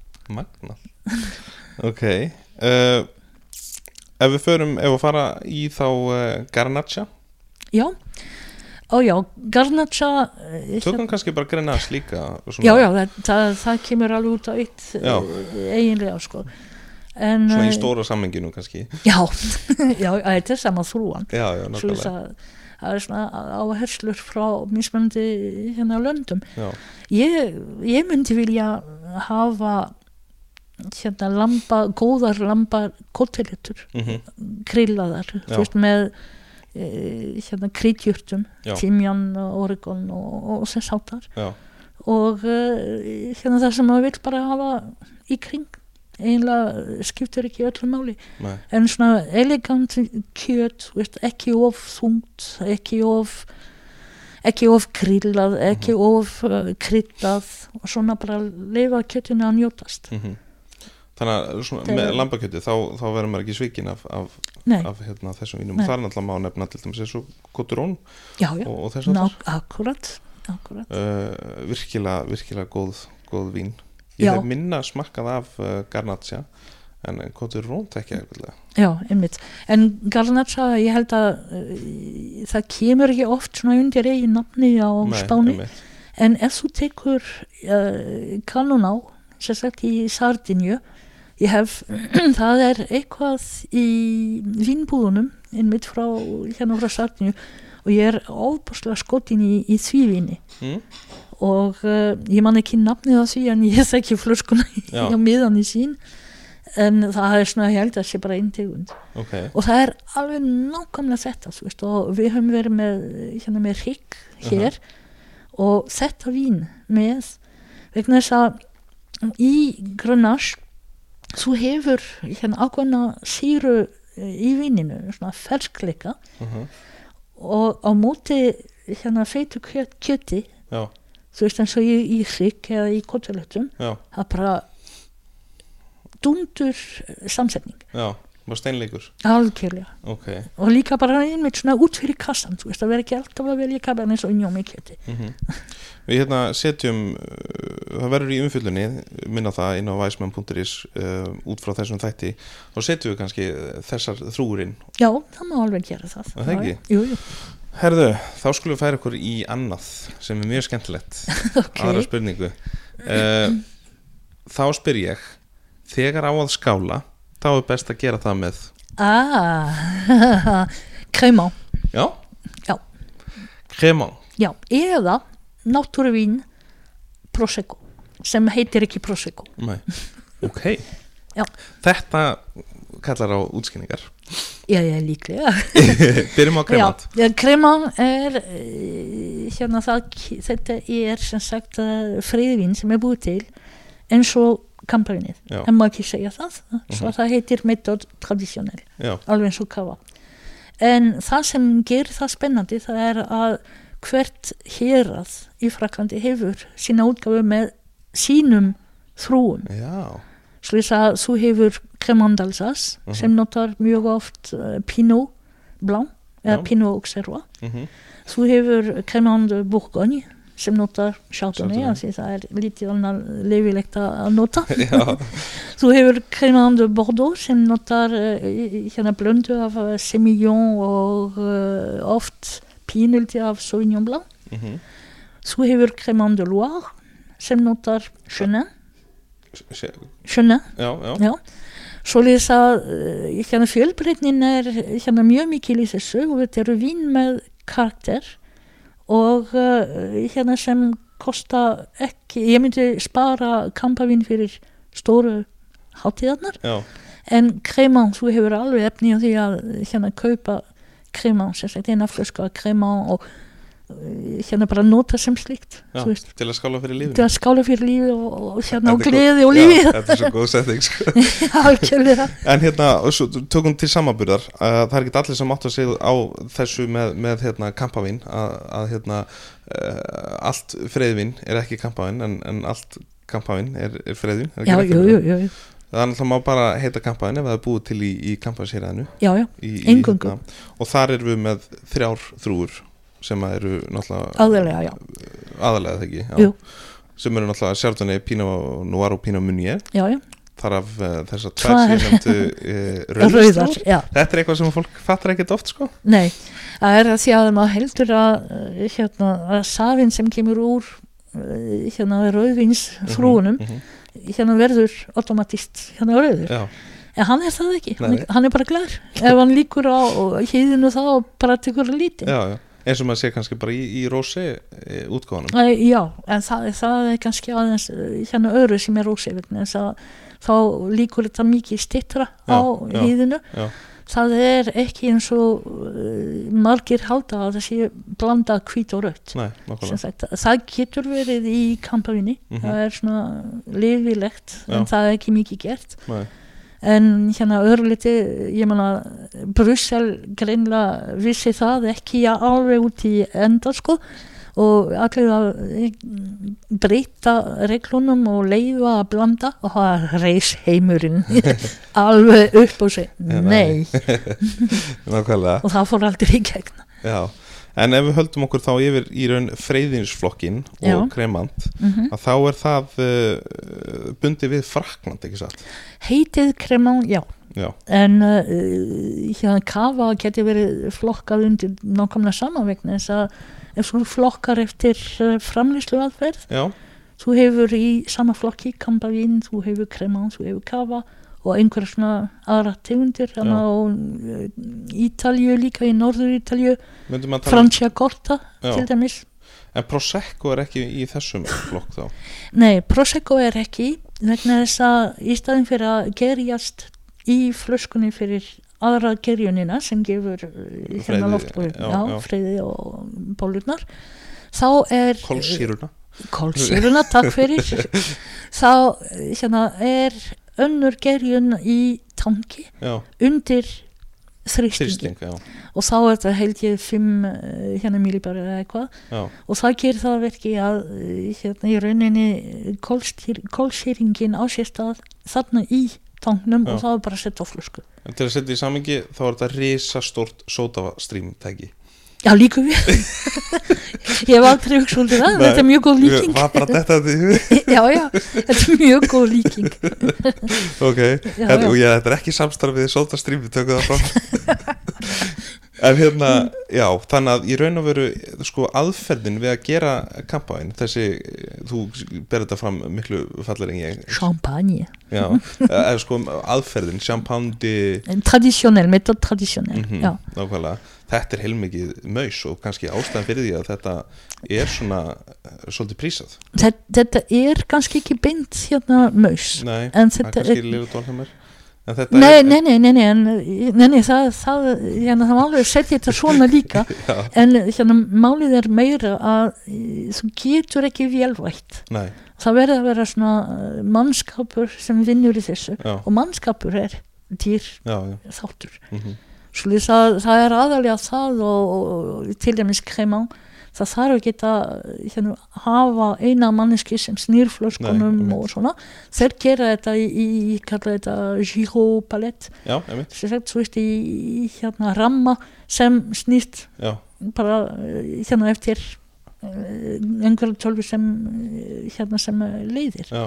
En, en eins og til dæmis eins og í kampæinu þá eru náttúrulega bara sér starfskræm að vera já, sem er, er í raun maður sem sér ef sig að snúa flöskum já, já, það er það. Þetta er magnat en þú veist, hugsaðu eh, hérna, það er maður fer í vínheiminum alltaf að hugsa langt aftur í tíma. Mhm, vegna þess að upphaflega þegar, þegar var uppgötvað að gerjun gaf kólsýringu í flöskuna. Mhm, og taparnir mhm. fugu bara hérna með vorinu. Já, já, uh, hérna bara það þú veist að uh, taka einn mann til að snúa flöskunum. Það var eðlilegt. Já, vegna þess að það vantaði vinnu og, og, veist, og það, það var ekkert verið að kalla eftir stóð háum launum eða neitt Mhm. þannig þetta var bara inn í, í lokal samfélagi. Já, já, og þetta hefur þróast og allt fyrir svo hratt í Mhm. dag að þessi hugsun sem er köllu gammaldags mhm, hún mætir hérna nútímanum á mikið stýttra tíma heldur en nokkuð tíma á leiðinni sko frá því að Mhm. hún var uppgötuð Já. þangað til að fyrir svona hundra árum síðan. Já, svo lesa konfliktar verða mikið fleiri já, í dag heldur nokkuð tíma áður í sögu uh, vinsins tilfelli. Mhm, þetta er algengt bara út um allt. Já. Sko, svo höldum okkur aðeins við, við Grimant, þá hérna það er nú eitthvað til að því hérna heima já já já, já. það er, er jafnvel slatti og selst mjög vel já, og, og gott verð á þeim gott verða þeim já, já. og hérna færum okkur, það er raun næsta spurning það er raun svolítið að kofra svona freyðvins uh, úrvalið og ef við tökum með mitt kafa sem er náttúrulega frá Spáni já, já. uh, sko, ég ætla að byrja að segja að út frá tölunum sem við gissur skoðum já. Uh, í átíðaferð hérna í þættinum þá um, kemur það í ljós að freyðvin hefur bara rokið upp í sölu Mhm, á síðast mhm. ári. Já, já. og það er náttúrulega bara eitt sem að útskýri það. Eða, Prosecco. í raun og veru tvent, já, það er náttúrulega Prosecco.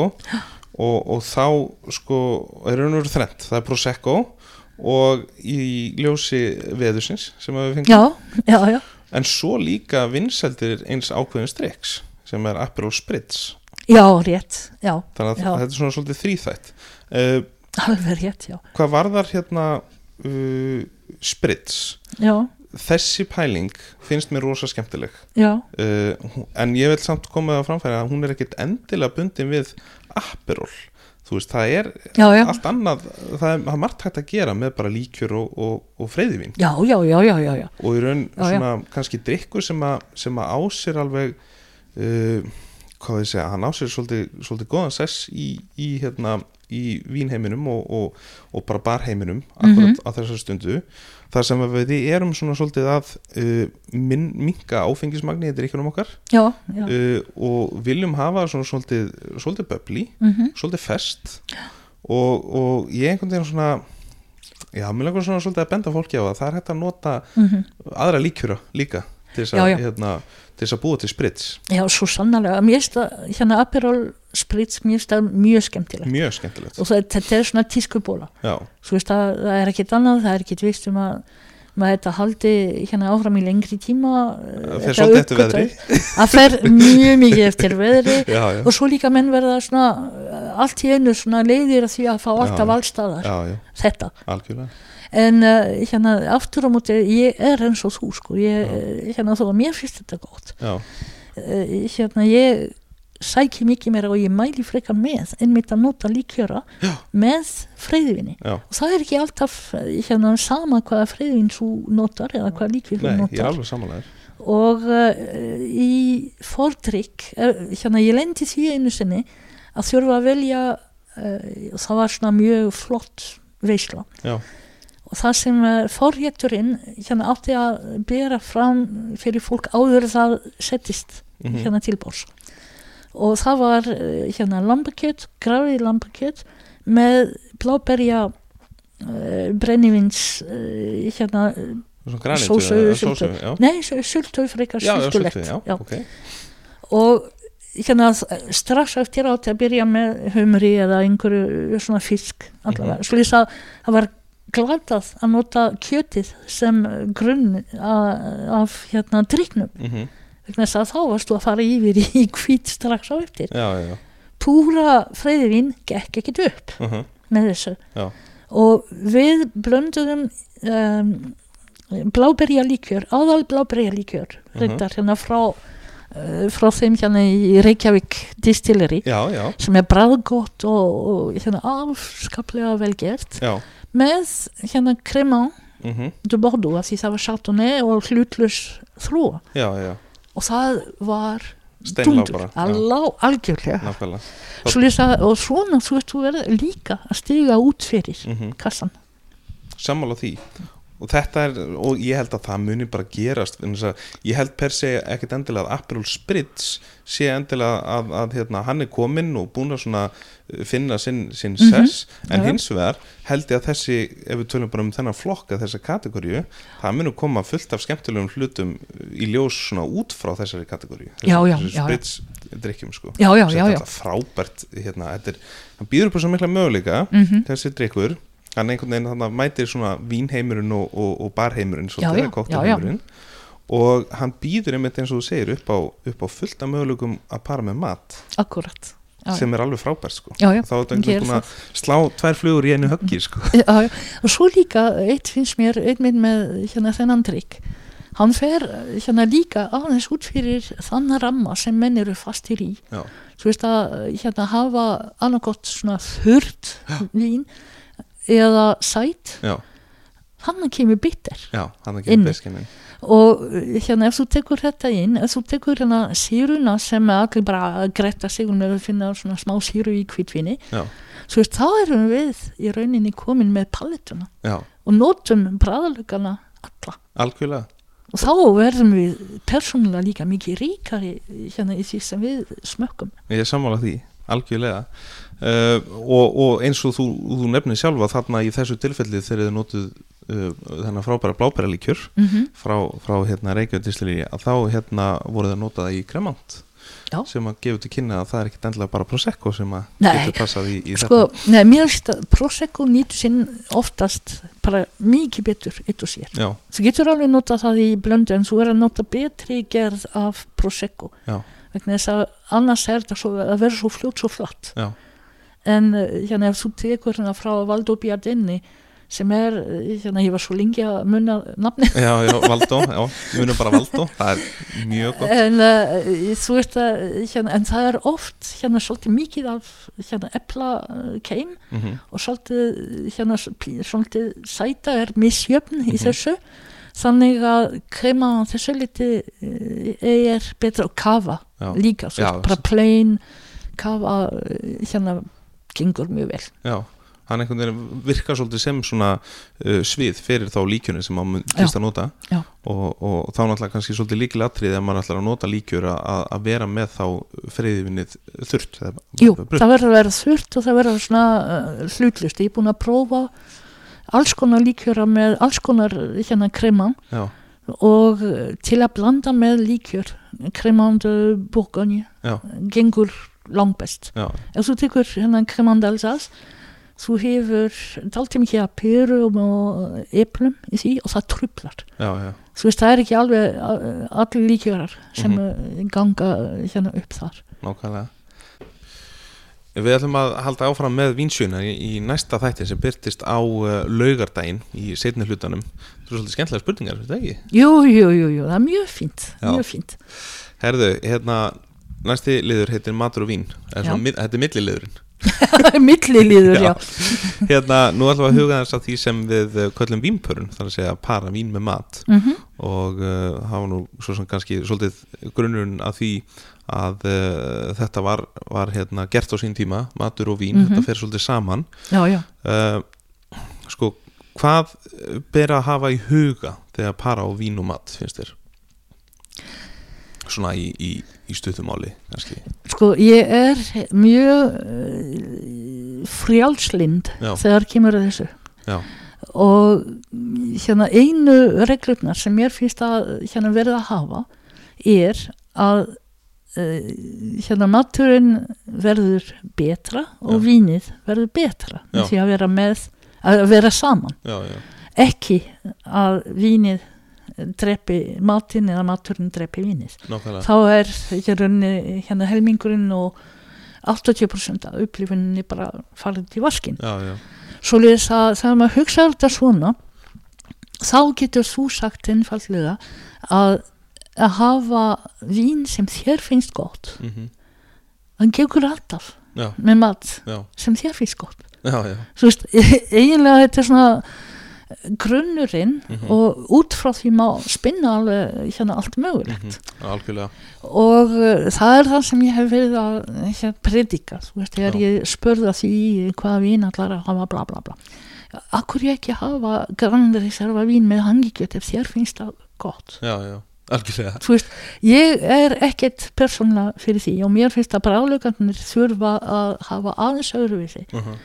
og mér bjór ganga mikið betur hérna með hangikjöti já, en þú veist, why not? Uh svo lýsa, ég myndi aftur á móti uh, hérna ekki mæla með því að, að taka svona eitthvað stort bort og með hangikjöti það mun aldrei ganga vegna þess að allt í hangikjötinu drepu vinni en það er uh, hérna ekstrem uh, mál, má kannski segja. Já Þú, tök, En- þú tekur hann fyrir kannski svolítið mest krefjandi mat að, að para með þig í, í raun að eita það, veistu það, þetta er algengasta spurningin sem ég hef fengið í gegnum uh, hérna mín fyrir í, í vín sagt, uh, fræðum. Mm -hmm.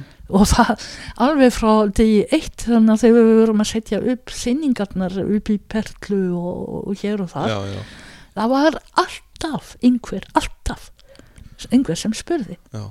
Það, er, það hefur mingað en samt það er ennþá alveg opaslega mikið og, og kannski svo fólk átt sá því var þetta ætla jólinn inn í búin þannig að við erum svo já. þau núna en, en hérna uh, og, og til að mynda þá, þá var Birkir Elmar fenginn til að para hérna vín með, með jólamatt já, og hann þurfti virkilega að leita, Að leita. í reynslabokkan ég sett hann, hann fekk smá tíma til að já. en hérna, þú veist, uh, talandi um hangikjöt og fólk getur kannski haft í huga bara fyrir næstu jól að undirbúa það, sumir gera það nú eins og kona mín. Hún er ekki búin að kaupa ári en það er mjög, mjög fínt því að það þarf ég ekki að spáði því. En allavega uh, varandi hangikjöt að þá er náttúrulega mjög svona mikið þar af svona viðvörunubjöllum sem að þarf að, að, að krifja varandi eins og þú veist það er reykt, það er Mhm. salt já, já. og, og þess áttar það er, það er svona mjög, mjög það er aðalega þetta tvent sko, hangikjöt verður aldrei venjulegt kjöt. Og þar fyrir utan það er alltaf um leiðum að hefur hangikjöt á borði. Mhm. þá er hérna það vegna þess að manni finnst það gott. Já, nákvæmlega. Svo lýst að þú verður líka, líka að leifa kjötinu að njóta sín. Já, til að virkilega hafa gaman að hérna pöruninni. Þess vegna er bjórin hérna mikið meira tilvalin vegna þess að á móti salti og á móti reik þú mátt ekki hafa uh, hérna mikil tannin Mhm. þú mátt ekki vegna þess að uh, hérna þau eru það eina sem verður eftir já, þú veist saltið uh, hérna virkar þannig á vini og, og reikurinn líka og drepa ávöxtinn og, Mhm. og svo framvegis Mhm. svo lýsa þess vegna segi ég Grand Reserva, ekki Já. endilega frá Rioja þú veist það var Grand Reserva frá hérna öðrum svæðum á Spáni, Mhm. uh, ekki frá Chile þeir leika sér á heitinu. En uh, ég hef smakkað sjálf veist, og ég hef smakkað allt mögulegt einmitt til að finna með, uh, hérna með hangikjöti. Mhm, og uh, hérna það virkar. Það er annað sem virkar en í það fyrsta vinnið fæst ekki. Og það er hérna mjög jáðar val hérna að hafa sætt uh, kvítvin svo muskat. Frá já.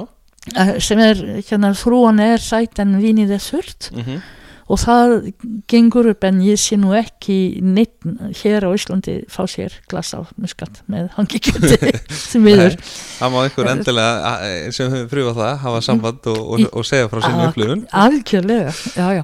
En hérna á öðru liti þú veist að hérna, það, ef maður drekkur hérna rauði með kjöti og hvítin með fiski Mhm, það er ákveðin hérna ástæða fyrir því. Já, lýst að ef maður veit það það hérna má alveg notfæri sér Já. þetta já, og uh, það er til dæmis það er engin tannin og það er ekki uh, ekki hérna nokkur efni, ég ætla ekki að fara út í smáatriði Mhm. í kvítvínunum sem uh, hérna gerir það að verki að veist, samsetningin virkar ekki fyrir bráðlukana að hafa kvítvin og, og uh, kjött já, en aftur á móti prótein í kjötinu og uh, tannin í rauðvininu virka mjög vel saman. Já, svo lýsa er þessi kombo hún í rauninni eh, frá grunni og frá vísindalegum ástæðum mhm, hún hefur meiri líkur í að ganga upp. Já. það er að segja raut kjöt og uh, út frá þessum að spöna alveg bara alvilt Já. og þá er það ef maður þekkir ekki vinnin maður prófar það en ef maður þekkir aðeins hérna vinnið svo er það kvítvinn sem er með hérna meiri síru að gengur upp á móti hérna fiski sem er feitara og það sem er smjörsósa Mhm. og, og þess áttar kvítvinn sem er ávaxtarík það er nú allar líkur að því að það gangi betur upp með til dæmis kargi eða eh, hérna þegar eru, eru ávextir, já, krydd og svona. Ef þú tekur í rauðvínunum létt rauðvín gengur betur með kvítukjöti Já. ljósakjöti og uh, þingri vín með meiri tannin og svo framvegis ganga betur með hérna rauð hérna rauðu kjöti og uh, því meira sem kjötið er til dæmis frá lambið yfir í nöti yfir í reyndir sérstaklega tarfin í reyndira kjöti þú veist frá kunnið að mýldara og tarfurinn er uh, brað meiri þá velur uh, hérna stiga hækkandi vín í þessu. En akkurat þar þú veist að uh, gildir 100% það sem ég var að segja. Vínið sem þér finnst best gegn mun alveg alltaf ganga. Já, já, með rauðkjöti nákvæmlega. Uh, sko, hérna í lókina þessum fyrirpart þá ætlum við að tókið saman smá svona spontant vínferðun já, ok, það er uh, fyrir þá svona sem er að hlusta á þetta uh, á þeim degi sem þetta kemur út þá er bóndadagurinn framöndan mhm. Ó nei, ekki spyrja þorramat og Nei, nei, nei, Æja, við ætlum að taka bara hérna uh, einhver indislega kona ætlar að elda fyrir bóndan sinn eftir fannandi rétti. Já, Vona, vonandi kona ok. mín. Já, Þetta er mjög einfalt, við erum að tala um bara svona uh, heima fyrir mhm, uh, indislega stund uh, börnin í pössun það var við. Mhm. uh, kertaljós og, og, og ljúfur tónar á fóninum. Já, ok. Já, þetta, er, þetta er hljóma vel já, já, það gerir það, ég er komin í stillinguna. Já, herru, húsmóðurinn er búin að leggja sparistellið á borðið og ætla virkilega að trýta bóndan sinn. Mhm. Til í þetta? alveg til, já, já, ég sé það fyrir mér. Herðu, við ætlum að byrja á fordrykk Hvað ætlum við að gera þar? Eh, eigum við ekki að taka það sem við vorum að tala um? Að taka freyðivinn Mm -hmm. uh, hérna með það má vera svona eh, eftir því sem uh, matseglinn býður upp á sig hérna á eftir. Já, en uh, það má alveg vera hérna kafa eða kremán frá burgundi mm með hérna bláberja líkjör eða aðalbláberja líkjör já, eða einfaldilega líka ef mann langar í það má alveg vera hérna kassis, solberja líkjör þetta klassíska uh, kýr royal. Já það er, alltaf, það er alltaf gott en bara setja ekki of mikið af líkjör í friðvinninu Nei, hafa svolítið svona góðan uh, balans í þessu. Já. uh, Cassis, það er nú svona solber, já, Solberg, uh, þekkt náttúrulega á þínum heimaslóðum. Já, já það, hann fann það hérna afbóttin uh, kýr sem hétt kýr Já, í, sem var afbótt í Dijon já, og hann gerði það vegna það var mjög mikil uh, framleysla, mjög mikil ræktun af uh, sólberjum í héræðinu og menn vissi ekki lengur hvað átti að gera við það. Og hann uh, hérna fann þetta.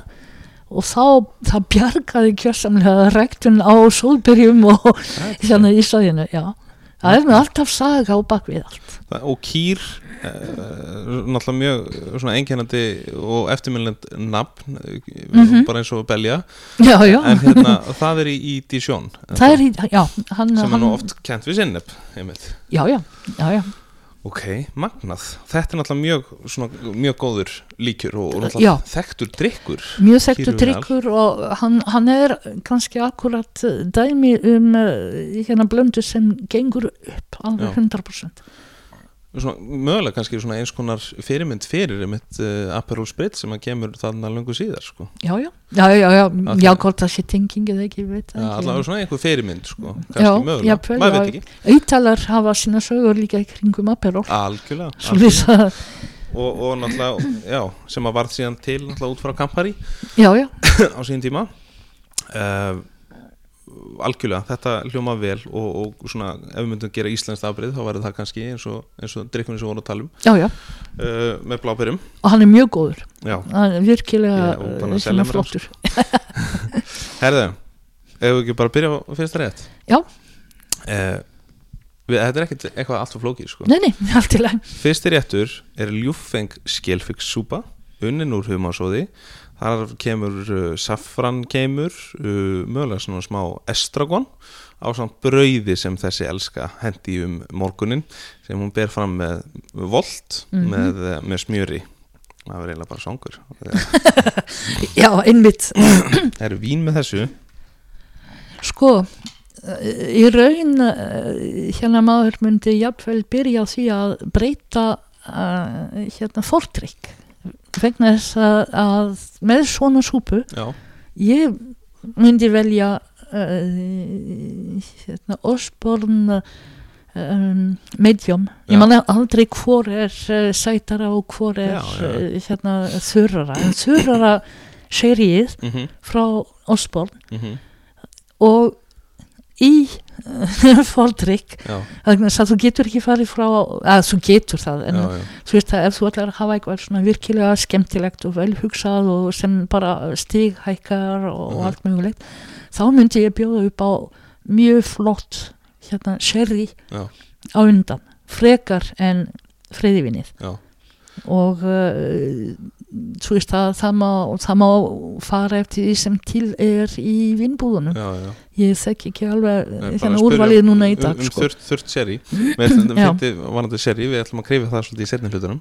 Aha, ok, í, í næsta þetta En hérna, eh, sko með, með vín og humasúpu uh, eða svona skelfissúpu já hvað myndum við fara í? Þá- þetta hérna Osborn medium bara, og hérna þetta er eitthvað sem uh, ég, sko ég var ekki endilega á mm, þeim slóðum Mhm. þú veist að hérna maður fer kannski frekar hugsaður um kvítvin og svona en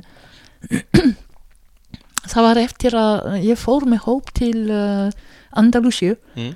til uh, Jerez og við fórum hérna í eina eftirminnilega máltið á hádegi þar sem uh, við, það voru svona sjö- eða átta réttir já, og ein tegund af sherry með hverjum rétti. Og þau voru með uh, hérna akkurat skelfisk súpu fyrst. Og, og þurrt sherry þú veist sem var innmitt dálítið svona ríkt bræðuríkt mhm. Og þetta small þvílíkt að ég er ekki ennþá först Er í þessu vegna þess að þetta er besta pörun sem ég hef nokkuð tíma fundið með svona súpu, humarsúpu eða skelfisksúpu Magnað. Og það, þú veist, prófaðu þetta einhver tíma, Já, það er ótrúlega hvað þetta smellir. Já. Ég man sko þegar ég var að máta að drikka voru með lúðusúpu. Þá voru með seri með því. Já, einmitt, já, já, akkurat Það var svona svolítið svona svo ég sletti svona old school uh, hugmynd á bak við það. Já, en veistu það? Sumt að þessu old school kemur að því að einhverjir eins og ég þú veist eftir uh, 20-30 ár þá er þetta old school. Já, já, en ég meina bræðlökarnir hafa jú breyst aðeins Já. en ekki það mikið. Nei, sammála því. Svo að það er um að gera að nota Já. hérna þessar hugmyndir Nákvæmlega, ég ætla ekki einu svona að spyrja það út í uh, neina pælinga hvað var þar um, uh, kvítin með þessu en þess að fólk getur eiginlega bara fundið það einhvers staðar annars staðar. Uh, vegna þess að ég, ég hvet fólk til þess að prófa þetta. Já, já, ég ger það alveg heiklust líka. Þú veist, árangurinn er mikið skemmtilegri. Já, nákvæmlega. Og, og hérna þá er bara við hæfi að, að við hendum okkur í aðalrétt. Já, þar ætlum við að fara í, í, í hérna, eitthvað sem var nú fóða mikið fjallað um, um, um jólin Beef Wellington. Já, einmitt. En þarna erum við að bera fram með þessu rótagrammi óbakað, uh, Mhm. steikta sveppi uh, hasselbakkartöflu og, haldið fast bernesós í alvöru? Já, ég er svo sem ekkert hvernig það út en er Jú, ekki bernes það- bara frábært með Alveg, jú, jú, jú, jú, jú, jú. Þetta, þetta hljóma mjög vel. Já, einhver, einhver sagði nú þegar hann hérna, gekk í einhvern súpupótt í einhverju hlaðborði bara, það er svolítið þykka þessi súpa hérna. Og það var þannig bara bernisós Æj, æj, Æ, æ, ég, ég get alveg borða hana svona með svona skeið sko. Já, já, já, já, og, og sko já, alveg ekkert tengt þessu en, en ég og, Gústi Máminn og sjágrillinu við byggum nú einu sem bara til heilt fótballtalið sem hétt FC Bernes. Já það hefur áhrif hérna víða. Já, en allavega Já, já. við ætlum að finna vín með þessum rétt. Já, það er auðvildi hluturinn já, vegna þess að nautakjött þú þú getur virkilega þá valið það vín sem uh, hérna sem þér fyrst bara alveg geggjast og það getur verið það, það er ekki endilega sama og þú varst með fyrir svona þreymur eða sex mánuðum síðan. Nei, en uh, hérna ef maður á að vera uh, hérna klassiskur þá myndi ég fara út í hérna fínasta þú veist og ekki endilega dýrasta. Nei, bara hérna mjög góður árgangur svo svolítið þroskað Mhm. vín sem sagt velja í hérna árgangum eins og 2000 og- já, frá ja, 2005 eða 2010 þú veist. Virkilega góður árgangur Já. af um, víni. Hérna Lamotte Vincent hefur staðið eftir en það er bara ekki lengur til sko, maður verður Já, að hafa þetta í kellara já, og uh, það, það mun alltaf ganga upp. Já Alltaf. mjög skilja sínu já, já, já, já, algjörlega. En þú, þú getur líka farið annað. Þú getur eh, hérna innmitt farið í, hérna í Chianti Classico svona eh, líka á góðum árgangi og, og uh, hérna þroskað. Ekki alveg ungt vegna þess að það er svo mikið í kring sko, sér hann verið að vera svona svolítið rólegli og, og hérna svo framvegis. Já, þú getur líka þú getur, ég myndi aldrei fara út í persónlega, aldrei fara út í hérna nei, vín eða síra frá Rón, þú veist svona þessu bolta, Já. það er jafnvel of mikið, þú verður að hafa svona svolítið fingert já, en um, við vorum með, um, við búin að spara hérna Kornas frá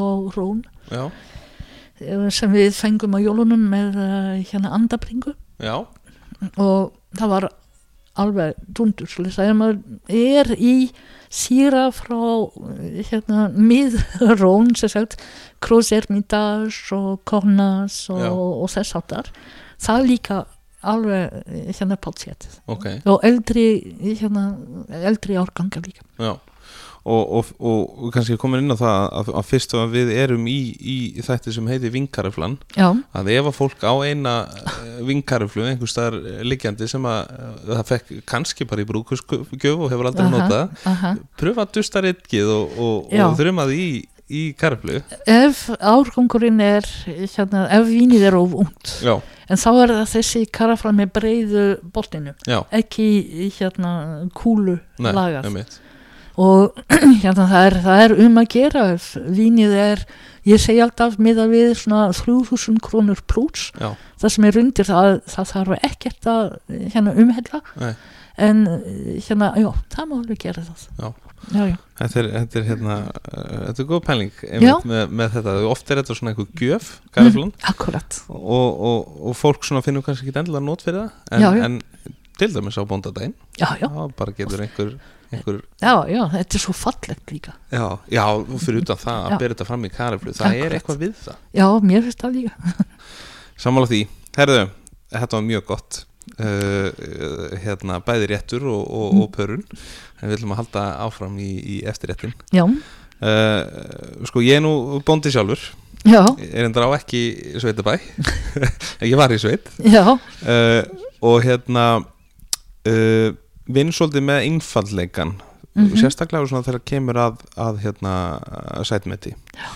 Og, og það á, á sérstaklega vel við, við, við hérna að þá eftirrétti sem að ég kýsa að, að hérna að leggja mér til munns. En við ætlum nú ekkert að sækja vatnið við lækin í þessum efnum. Uh, svona í tilefni uh, þíns uppruna þá setti ég bara uh, franska súkulegaköku með, með rjóma og jarðarberjum með, með rjóma og jarðbörjum, Já. já. já, já, þá eh, hérna, það, það er svo margt sem hægt er að, að velja eh, með hérna súkulegiköku já, uh, besta pörun finnst mér að sækja, það er tvend og fer eftir hvað, hvort, hvort er til í, í vínbúðun annað veit ég að er til hitt ég er ekki lengur viss en annað er uh, Banjúls styrt vín mm frá, það er svona hérna á landamör milli Fraklands og, og uh, Spánar. Þetta í hérna franska Katalóníu, Já. má segja. Og styrtvin sem er hérna sem bara smell passar við hérna súkulaði og sérstaklega súkulaði köku mm uh, hitt er uh, hérna aftur í sherry slús að það geti verið skemmtilegt að hafa tengingu svona ringrás já, já, já, en uh, það er hérna sætt sherry og úr Pedro Jiménez frúni sem sagt, og það var til frá González Pías Nói heitir það nektar. Og eitt lítið glas af þessu með súkulaðiköku er síndlega gott. Svo að ég, ég myndi enda þannig og hérna, miða við heildinni heildina þá myndi ég vilja velja svona frekar sérið já, ok Það, Það er bara, smart. þetta er alveg selt fyrir mér sko. Er það þá ég skal ringja í konuna þína? Já, nákvæmlega, kannski hérna, en svo er náttúrulega líka komið að því hérna sko að Já. hérna uh, síðan í lokin á meðan bóndin vaskar upp. Já, já, það er bara þannig er strákar hleypur í kringum húsið? Já, já, eh, það er bara þannig strákum mínir, við, við þurfum að, að hérna, ykkur sem er að hlusta á þetta, við þurfum bara að taka það á okkur. Uh, þá fær hérna húsmóðurinn að setjast í, í sófan með hérna vinglas Aha. sem hún á heiðinu skilið. Hvaða vín er svona, ef við slettum reward eða svona eitthvað uh, þar sem hún, hún á skilið í, í, í hérna, þessu tilfelli? Já, já, já. Þá hérna, ég, ég veit hvað ég myndi eh, hérna vilja. Já, og uh, ég er ekki vissum að þú þekkir það Ok. eða hlustendur þekkir það. Ok þetta er eh, hérna, alveg að þetta inn á markaðin svo lýsa að það er kannski ekki alveg tilbúið á förstu daginn en það heitir Jökla. Já, og uh, þetta er uh, hérna drikkur sagt, rjóma uh, hérna uh, Líkjör. líkjör. Svolítið í anda Baileys mm en þúsund sinnum betur en Baileys. Ok, og ég smakaði þetta það er tilbúið, það Mhm. vantar bara hérna réttur tappana til að geta tappað á flösku. Já, en þetta var tilbúið í byrjun november já. Og ég smakaði það þá. Og þú veist að þetta er sko eins og þú sagðir reward alveg fyllilega. Já, já, þetta er svo gott. Ok. Og þau voru með þetta á hérna lítum glerkút veist eins og hérna sumir hafa vatn nú orðið á Já, já, veitingastöðum. Og ég reyndi eins og ég gat að vera sem næst já, með tómuglasi já, ok. Það gefur til, til kynna hversu, hversu gott þessi góður þessi líkjur já já, hann, hann, er, hann er rosalega vel hefnaður, vel unnin Já. og allt alveg bara stórkostlegt. Og, og gaman að, að hérna að segja frá því að, að uh, þetta er í raun bara, er þetta ekki bara fyrsti íslenski rjóma líkjörinn sem Jú, kemur að marka jú, jú, það er það. Og, og svo sem ekkit einhver vittlisingur sem er að framlega þetta? Nei, nei, nei, nei, Pétur, hann- Pétur Pétursson sem Akkúrat. er hérna akkurat, mjörgufræðingur sjálfur. Akkurat, akkurat. uh, ég hef með hérna 15 skulið nefna þetta, ég var með uh, ásáttíð uh, MS um daginn og þá hitti ég fyrir hann, hann Pétur. Já, og fekk já, að smakka þetta hjá honum. Já, var það ekki? Og ég tek undir það, þetta er virkilega, virkilega gott. Hann er einstaklega vel hefnaður. Mm þú veist, í, í, hérna, í vínbransanum á Íslandi, sterkuvinni eða líkjöra og allt Mhm. saman.